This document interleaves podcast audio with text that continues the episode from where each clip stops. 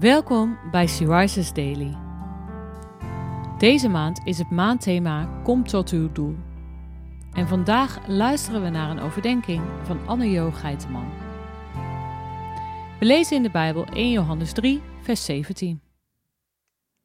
Hoe kan Gods liefde in iemand blijven die genoeg heeft om van te bestaan, maar zijn hart sluit voor een broeder of zuster die hij gebrekkig ziet lijden?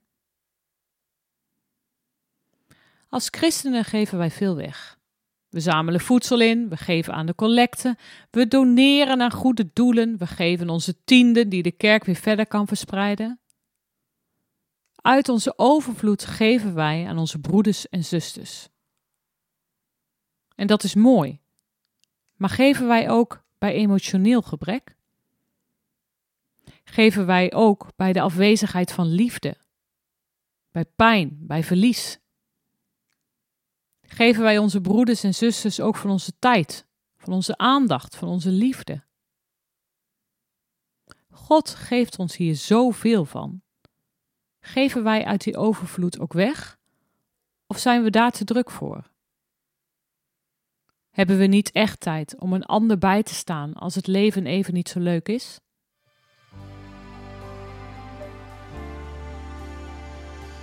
Wat vind jij makkelijk om aan een ander te geven?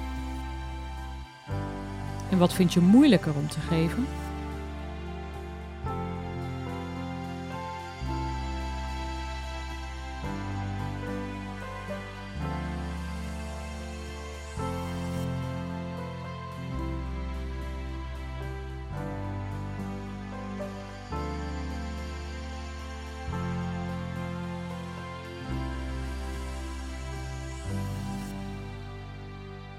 Laten we samen bidden. Vader, leer ons zien waar onze broeders en zusters gebrek lijden, vaak in het verborgene.